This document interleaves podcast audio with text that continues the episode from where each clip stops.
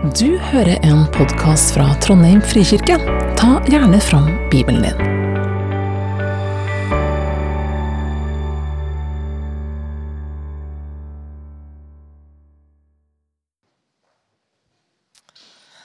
I will read Ephesians 1 1 through 14 in the NIV version. You can see the Norwegian there on the wall as well. Paul, an apostle of Christ Jesus by the will of God, to God's holy people in Ephesus, the faithful in Christ Jesus. Grace and peace to you from God our Father and the Lord Jesus Christ.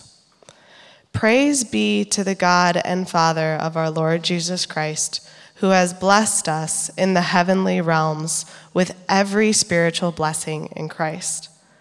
For he chose us in him before the creation of the world to be holy and blameless in his sight.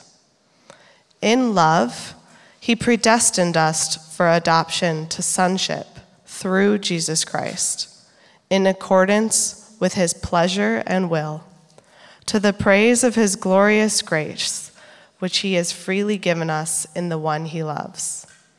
In him, we have redemption through his blood, the forgiveness of sins, in accordance with the riches of God's grace that he lavished on us.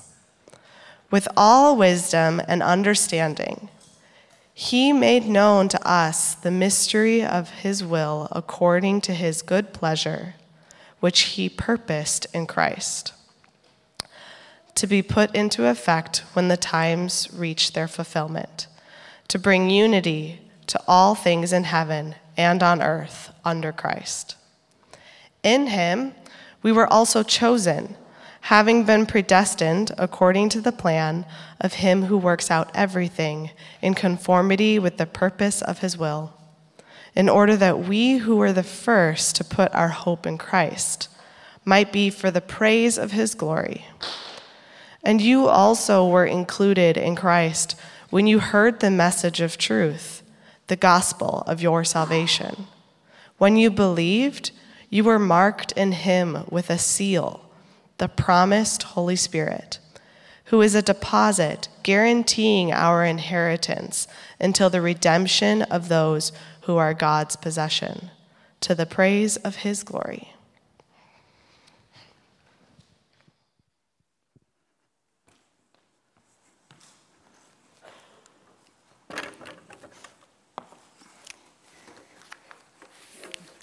Tusen takk, Tina, for eh, at du leste så fint på engelsk.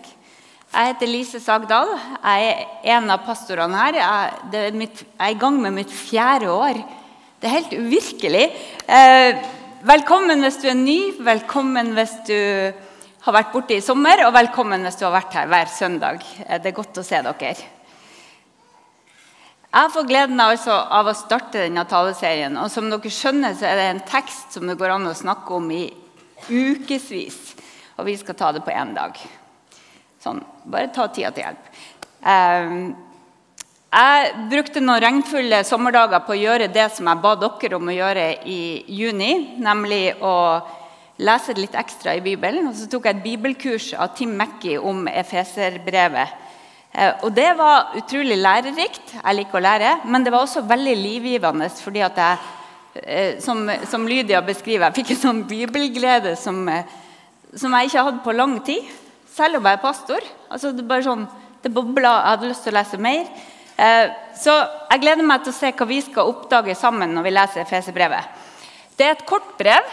Det betyr ikke at man ikke kan snakke lenge om det. for det var en i London, Han holdt 277 taler om Efeserbrevet. Det skal ikke vi gjøre. Vi skal ta et halvt til ett kapittel i gangen. Men jeg vil anbefale det som Ingebrigt sa, nemlig sett dere ned og les hele i sammenheng. Eller sett på en sånn app der noen leser helt nydelig til dere. Det er også ganske fint. Kan ta med på treningstur og sånn. Men vi skal altså ta det bit for bit. Jeg skal begynne, Helge fortsetter neste uke, og så går stafettpinnen videre til Ingebrigt. Jeg håper dere har lyst til å snakke om det her i gruppene. Dere kommer ikke til å få et avansert gruppeopplegg, men det blir så mye å ta tak i. Så ta med Bibelen på gruppa, og så skal dere få litt hjelp av oss. Eh, snakk også om det i familien og med venner som du henger med eller jobber med. Så i dag så er det altså vers 1-14. Eh, og vi skal starte med første verset, eller de første to. Paulus etter Guds vilje, Kristi Jesu apostel. Hilser de hellige i Efesos, de troende i Kristus Jesus. Nåde være med dere og fred fra Gud, vår Far og Herren Jesus Kristus. Så Brevet er altså skrevet av Paulus, og han skal vi komme tilbake og snakke mye om litt senere i serien. Men hvem skriver han til?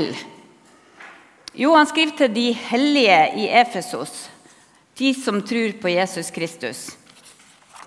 De fleste mener at efeseren er beskrevet av Paulus mens han satt i fengsel sånn 27-28 eh, år etter Jesu oppstandelse, altså i år 60-62. Eh, vi tror han satt i Roma, og vi tror at han skrev galaterne, kolosserne, filipperne og efeserne i den perioden. Og Hvis du ser på de brevene, så er det ganske mye overlapp i tematikk. Men Efeserbrevet tar ikke opp noen spesifikke problemer i menigheter, eh, sånn som noen av de andre brevene gjør. Eh, men det taler inn en virkelighet som Paulus kjente veldig veldig godt. fordi Han starta den menigheten ti år før og han bodde der i tre år. Eh, Efeserne har heller ikke med sånne hilsninger til venner og sånne enkeltpersoner. sånn som de andre brevene har. Og det er en del som har eh, stilt spørsmål med hvorfor ikke det. Og sånn. Og så tror man at efeserne er skrevet til menigheten i Efesos, men også sendt på sirkulasjon eller på rundgang til de andre menighetene i området. Og Hvis dere ser fotnoten i egen bibel, så står det at eh, ordene 'i Efesos' eh, mangler i eldre håndskrifter. Så det kan være en forklaring at det er skrevet til den ene menigheten, men ment for flere. Så har man droppa alle hilsningene som ikke er relevant for alle. Så hva bør vi vite om Efesos? Og Nils Petter, her kommer et kart. Det må vi alltid ha. Efesos var en stor og viktig by som knytta sammen handelsrutene til Roma og Hellas. Den røde prikken her er Efesos. Det ligger i dagens Tyrkia. Jeg har vært veldig nært, for jeg var på Patmos og så over til Efesos, men da ante jeg ikke hva jeg gikk glipp av. Jeg skulle ønske jeg kunne vært på andre sida. Eh, det er en by som er fra 1000 år før Kristus. Og nå kommer det som er viktig for denne talen. da. Efesos var som en åndelig fornøyelsespark. Det var som tivoli for eh, folk som tror. Det var mange forskjellige guder som skulle tilbes, og som skulle gjøres fornøyd gjennom ofringer og tilbedelse. Og De som har sett nøye på det, sier at folk i Efesos hadde 50 ulike guder og gudinner å forholde seg til. I tillegg så var det vanlig både med astrologi, magi, eksorsisme, jødisk mystikk og denne likte jeg veldig godt, mysteriekulturer der man trodde man gjennom ritualer kunne oppnå en dypere relasjon med en gud og få åndelig kraft og innsikt. I Efesos brukte altså folk mye energi på å helgardere seg og sikre seg mot onde ånder og prøve å oppnå velsignelser i åndeverden ved å få gudene på si side. Og Det var nok også en fristelse for de som hadde tatt imot Jesus, de som hadde blitt kristen. For Hvis du har vokst opp med at det er sånn det skal være, så er det rimelig vanskelig å slutte med det. Selv om man nå hadde blitt kjent med Jesus.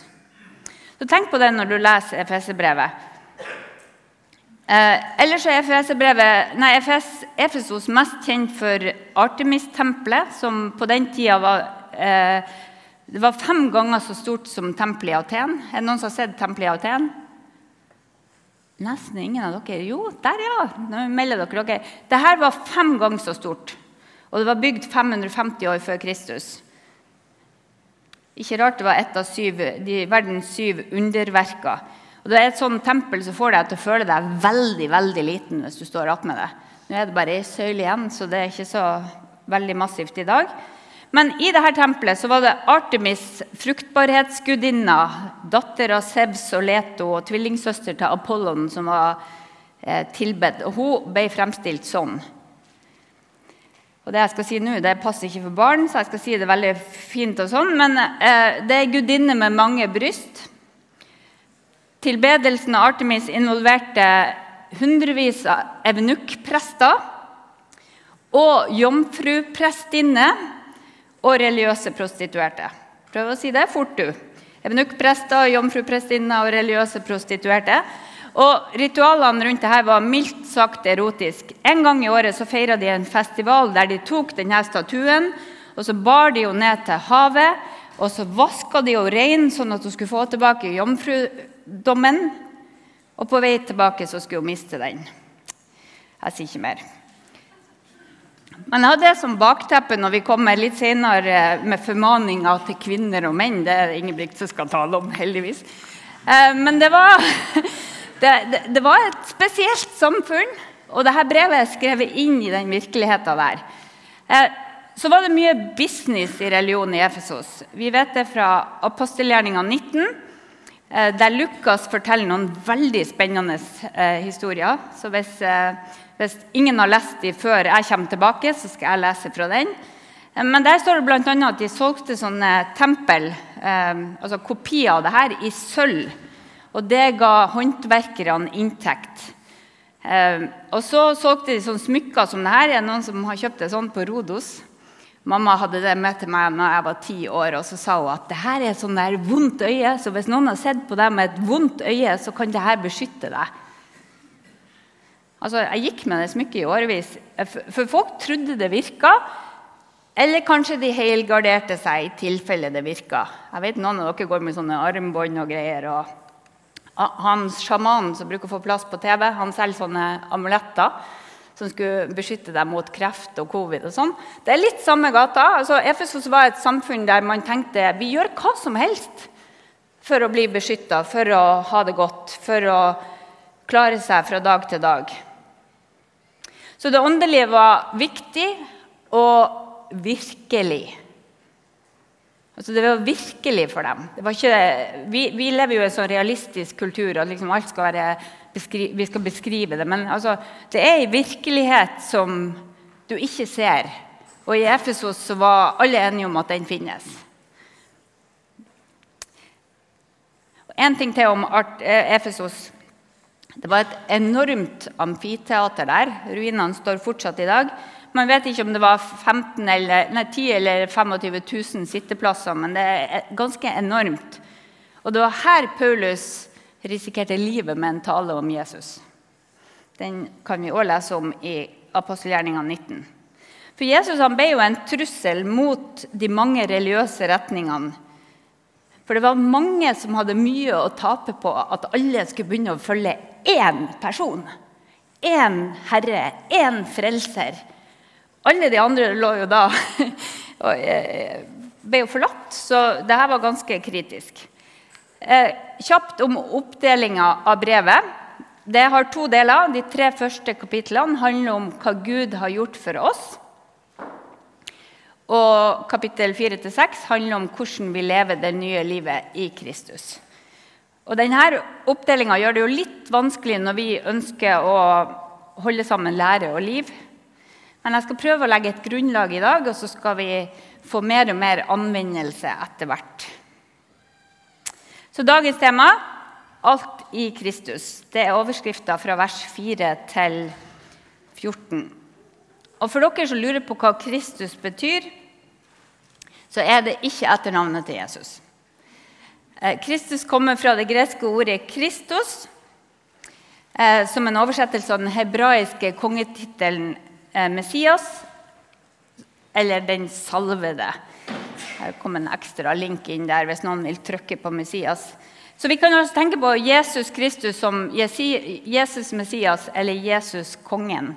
Jeg syns det er veldig mye lettere når jeg kan putte inn kongen i stedet for Kristus. For da skjønner jeg forskjell på Jesus og Kristus. Men dere skjønner, det er noen nyanser her.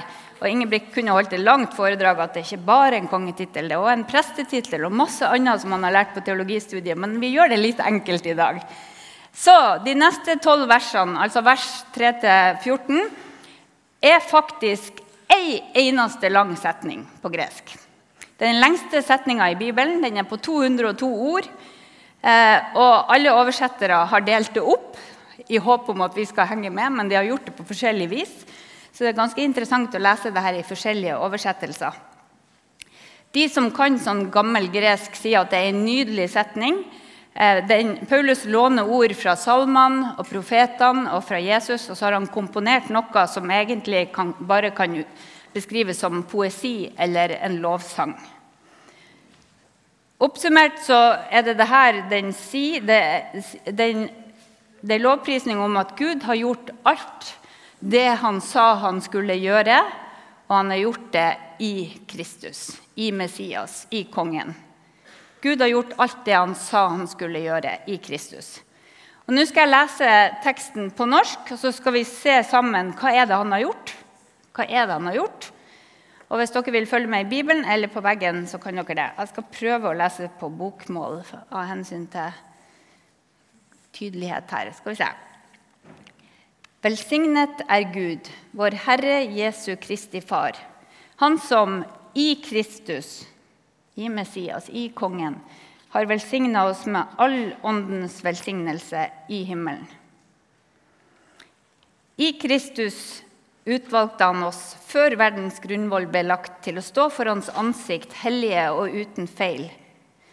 I kjærlighet og etter sin egen gode vilje avgjorde han på forhånd at vi skulle få rett til å være hans barn ved Jesus Kristus, til lov og pris for hans herlighet og nåde, som han overøste oss med i ham som han elsker så høyt. I ham har vi friheten kjøpt med hans blod, tilgivelse for syndene. Så rik er Guds nåde, som han har latt strømme over oss med all visdom og forstand, da han kunngjorde for oss sin, viljes mysterium, det han gjerne ville gjøre i ham. Han ville fullføre sin frelsesplan i tidens fylde og sammenfatte alt i Kristus.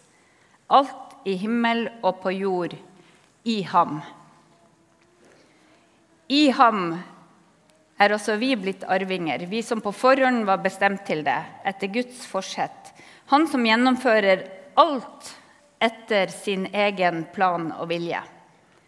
Slik skulle vi være til lov og pris for Hans herlighet, vi som alt nå har satt vårt håp til Kristus. Og vi skal stoppe litt her. For hvem er det Paulus kaller 'vi' og oss her. Det er ganske viktig for, eh, for å forstå hva han vil. Jo, I vers 3-12 så er vi jødene.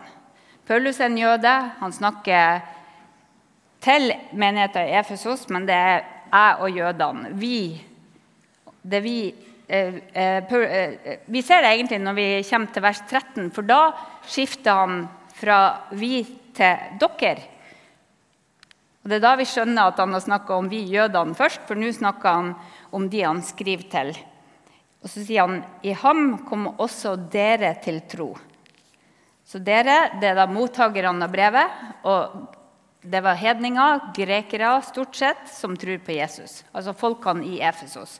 Så nå har Paulus skrevet 'vi', og så har han skrevet 'dere'. Og så fortsetter vi i vers 13. I ham kom også dere til tro da dere hørte sannhetens ord, evangeliet om deres frelse. I ham ble dere merket med seglet, seilet Den hellige ånd som var lovet oss, han som er pantet på vår arv, inntil Guds eget folk blir satt fri, til lov og pris for Hans herlighet. Så Først handla det altså om jødene, som var Guds utvalgte folk. Og nå er også hedningene blitt en del av det store vi. Og Det betyr at alt vi har lest fra vers 3 og utover, gjelder også hedningene. Det gjelder også oss. Så de som leste brevet første gang, og de som leste i dag. Så nå er vi blitt en del av det store vi. Henger dere med? Logikken her blir viktig om en liten stund, så bare ta med dere det. Eh, er det noen som merka seg et ord som jeg la litt vekt på når jeg leste? Det er egentlig to ord som ble gjentatt hele ni ganger. I Kristus og i ham, ja. For det står at i Kristus har vi all åndens velsignelse i himmelen. Og det inkluderer Nå har jeg plukka de punktene som, som vi har, kan hente ut av teksten. Første punktet fra vers 4 er at vi er utvalgt til å stå hellige og uten feil for Hans ansikt. Eller hellig og heil, som det står i noen oversettelser. Punkt to vi rett, har rett til å være Guds barn. Det betyr at vi er adoptert inn i Guds familie, også hedningene. Jødene var Guds familie allerede, og så kom alle vi andre og fikk plass etterpå. Så er vi overøst med nåde. Så har vi frihet. Vi har tilgivelse for syndene. Og så har vi visdom og forstand om Guds vilje og hensikt. For det er et mysterium som åpenbares i Jesus, og nåden strømmer over oss med visdom og forstand. Og så er vi arvinger til Guds rike. Vi er Guds barn som arver sin far. Og så er vi merka med Den hellige ånd. Vi har Guds nærvær. Vi er ikke alene. Vi har kraft i Den hellige ånd. Så alt det her har alle som tror på Jesus Kristus. Dette er enormt store gaver, og så står det at de allerede har det. Det er ikke sånn at en gang i himmelen De har allerede all åndens velsignelse. Så hvis dere tenker på efeserne, så betyr det at de måtte ikke streve å være redd lenger. De trenger ikke å sikre seg med å tilbe andre guder i tillegg. De trenger ikke å være redd for de onde åndene. De trenger ikke for å gå, å gå gjennom all slags ritualer for å oppnå velsignelse. De har fått all åndens velsignelse i himmelen allerede i ham, i Kristus. Og det er av nåde. Det er kanskje ikke så rart at vers 3-14 er skrevet som en lovsang. For Tenk deg, alle de som strever så mye, har nå fått alt det her av nåde. Det er stort for efeserne, og det er stort for oss. Men det er kanskje verre for oss å ta det inn. fordi Enten er du kjent med de her ordene, eller så er du ikke helt sikker på om alt det her usynlige virkeligheten faktisk eksisterer. Jeg liker særlig det punktet med overøst med, eh, med, nåde. Vi var på Hawaii en gang, og der var det en sånn fantastisk foss med helt klart rent vann. Og så bare flomma det. Dere har sikkert sett det i en sånn reklame, for jeg tror det er en sånn sjamporeklame som er tatt opp der. Men jeg ser for meg denne fossen med Vi er overøst av nåde. Hvis du får det vannet over hodet, som for så vidt minner om dåp eh, Nåden flommer over oss. Det gjentas to ganger at det er flom overøst, og det strømmer. Så det er ikke noe sånn lite grann, det er stort.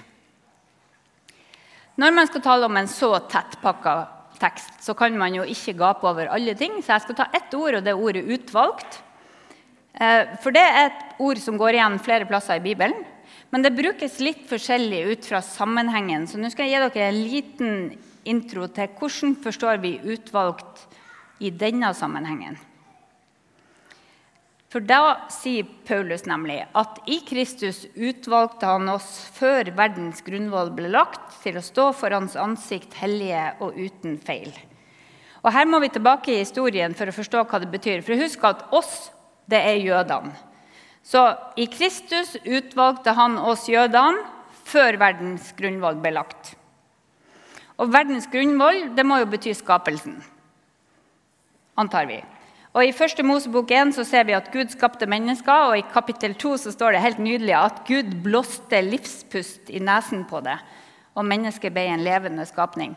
Har dere tenkt på det at det første mennesket ser når det får puste ansiktet til Gud her? Det syns jeg er ganske sterkt. Eh, vi ble skapt, og vi fikk livspust, og så står det at Gud velsigna mennesket som han skapte. Men Mennesket gjorde opprør i kapittel 3, og fra da gikk det nedover og nedover. og nedover. Det gikk som en spiral med vold og død. og Gud overgir menneskene til sin egen sviktende dømmekraft og lar dem få gjøre det de vil. Gud iverksetter da neste trinn i frelsesplanen. Og det er ikke plan B. Dette er plan A. Det har det vært hele tida. Gud vet hvordan dette kommer til å gå. Så Gud velger Abraham som stamfar til det som skulle bli hans folk, og Gud velsigner Abraham. Vi kan lese om det i 1. Mosebok 12. Der står det Herren sa til Abraham Dra bort fra landet ditt og fra slekten din og fra farshuset ditt til det landet som jeg skal vise deg. Jeg vil gjøre deg til et stort folk. Jeg vil velsigne deg og gjøre navnet ditt stort. Du skal bli til velsignelse. Jeg vil velsigne dem som velsigner deg, men den som forbanner deg, skal jeg forbanne. I deg skal alle slekter på jorden velsignes. Så Gud valgte én mann, ei slekt, og så sa han at i deg skal alle slekter på jorda velsignes. Og Gud inngår en pakt med Abraham og hans slekt, og det er de som bærer velsignelsen videre. Sånn at den opprinnelige planen som Gud hadde om at alle nasjoner skulle få kjenne han, skulle bli virkelig. Så Velsignelsen går videre fra Abraham til hans sønn, til en utvalgt sønn, til en utvalgt sønn, og sånn går det videre. Og Den som leser i Gamle Testamentet, vet at det går ikke så veldig bra med det utvalgte folket heller. De er ikke bedre enn andre folk. Ja, Det er faktisk ikke sånn at eh, når Gud velger et folk, så går det bedre med dem. Å være utvalgt betyr ikke at man lykkes med å leve etter Guds vilje. Men, men Gud har en plan. Han lover en Messias, en salva konge, en frelser som skal komme i Davids ett. Og så er det mange profetier om Messias, så jeg måtte bare stryke ut alt som jeg hadde skrevet om det, for det ble altfor langt. Men de som satt og hørte Efesebrevet lest, de ville ha nikka. Det står i salmene, det står i Esekiel, det står der, det står der. Fordi at i Messias så skal Guds plan oppfylles gjennom det utvalgte folk og for alle mennesker. Messias er det eneste håpet for Israel, og han er det eneste håpet for alle folk. Eller som Paulus eh, sier i dagens tekst Han ville fullføre sin frelsesplan i tidens fylde og sammenfatte alt i Kristus. Alt i himmel og på jord. I ham så ser du at når, når Paulus snakker om utvelgelse her, så handler det om utvelgelsen av Abraham og hans ett til å være Guds folk. Det handler om hvem som kunne nærme seg Gud, og om hvem som skulle bringe velsignelsen videre til hele verden. Og når Messias kommer, når Jesus Kristus kommer, så åpnes Guds familie for alle som tror. Alle som tror på Israels Messias, Jesus Kristus, de er nå utvalgt. Og Jesus har alle tilgang til tilgivelse og nåde. Alle kan bli adoptert inn i Guds familie. Og han, Tim Mackey, som jeg så bibelkurs med på nett, han sier at Gud velger en av de mange, sånn at han gjennom den ene kan gjenopprette velsignelsen til de mange. Ser dere Jesus i den setninga? Først så var det Abraham, og så kommer Jesus. Så i Kristus gjenopprettes forholdet til Gud, den ene for alle mennesker. Så utvelgelse handler om det som forener oss. Og det handler ikke om at noen er valgt, og noen er ikke valgt. Ikke her, i hvert fall. Jeg kan komme tilbake til det i Romerne f.eks. Men du trenger ikke å være redd for at du ikke er valgt. Noen av dere har kanskje hørt taler som går i den retninga. Men i, første, i Johannes 1,12 så står det men alle som tok imot ham, dem ga han rett til å bli Guds barn. De som tror på hans navn. Så Gud åpner veien for alle som tar imot Jesus som Messias og konge. Eh, og det at de tror på ham, det betyr egentlig det Ordet 'tro' kunne egentlig oversettes med 'stole på'. Altså Hvis du velger å stole på Jesus, ha tillit til Jesus, da tror du nok. Det er et valg. Du velger å stole på Jesus. Så alle som velger å stole på ham, blir en del av Guds folk. Og Dette var et stort mysterium fram til Jesus Kristus kom. Men det er ikke et mysterium lenger. Hver gang dere ser ordet mysterium, så er det noe som var. Det er ikke et mysterium lenger. For nå er vi Guds barn, Guds familie. Vi er menigheter av kirka, og vi er velsigna med all åndens velsignelse i himmelen. Første kor 1.20 så står det For i ham har alle Guds løfter fått sitt ja. I Jesus Kristus har alle Guds løfter fått sitt ja. Så det er jo ikke rart at det blir lovsang ut av det når Paulus skal prøve å skrive det her konsist, alt det viktige, og skrive det til efeserne.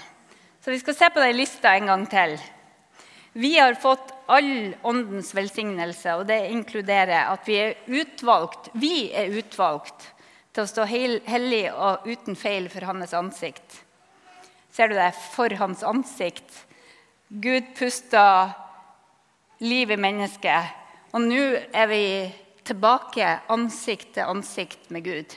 Så den første skapelsen er nå blitt altså Relasjonen er gjenoppretta.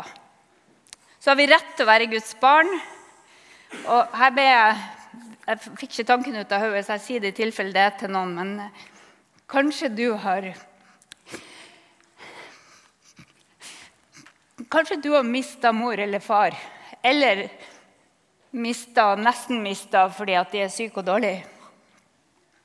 Og Det gjelder ikke meg, men jeg ble veldig sånn emosjonell når jeg tenkte på at det er mange av dere som kjører att og fram, kjører att og fram, og så kommer det en dag dere ikke kjører att og fram lenger fordi at de er døde. Og husk at du har en far, en far og en mor i himmelen. Du får være Guds barn, også når den tid kommer. Og så er vi overøst med nåde. Tenk på den fossen hvis det hjelper. Vi har frihet. Vi har frihet fra så mye som kunne ha bundet oss, fordi vi kan gå til Jesus med absolutt alt. Og så har vi visdom og forstand om Guds vilje. Er ikke det ganske utrolig at vi mennesker kan ha visdom og forstand om Guds vilje? Og så er vi arvinger til Guds rike. Vi er arvinger til velsignelsen. Og så Favoritten som bærer oss gjennom alle dager, er at vi er merka med Den hellige ånd. Vi har Guds nærvær, Guds kraft. Vi har en smak av det fullkomne Guds rike, som en gang skal bryte gjennom alt når Jesus kommer tilbake og det blir skapt en ny himmel og en ny jord. Men alt det her har vi i Kristus nå. Vi har del i noe ufattelig stort. Alt sammenfattes og knyttes sammen i Kristus Jesus. Og det gjelder himmel og jord, fortid og fremtid, jøder og hedninger, trøndere og nordlendinger, kinesere og amerikanere, himmel og jord. Alt knyttes sammen i Kristus Jesus. For Gud har utvalgt oss. Og det handler ikke om hva vi har gjort, for det går omtrent like dårlig med oss som det går med israelsfolket. Selv om vi er utvalgt, så lever vi ikke så veldig mye bedre. Skulle ønske vi gjorde det, men faktum er at vi detter og vi faller. Men det er Guds nåde, det er Guds kjærlighet, det er Guds vilje, det er Guds plan og det er Guds valg, ikke ditt. Det eneste du trenger å gjøre, det er å si at jeg velger å stole på at denne Jesus Kristus vet hva han gjør, og at han har gjort alt det han sa han skulle gjøre. Fra før verdens grunnvoll ble lagt, så elska han deg. Ja, Han elsker oss med så stor kjærlighet at han ga sin egen sønn. Og Hvis det føles som noe du har hørt før, så tenk på om du måtte gi bort din sønn. Altså Den type kjærlighet som er villig til å ofre alt for at vi skal få lov å komme hjem. Kanskje du trengte en påminnelse om noe av dette, en eller flere av de sannhetene. Jeg vet at jeg gjør det stadig. Og kanskje du tenker Tenk om flere fikk vite det her. Tenk om dette ble en realitet for enda flere mennesker som strever med livene sine og ja, ikke bare det tunge, men strever egentlig med alt det gode også.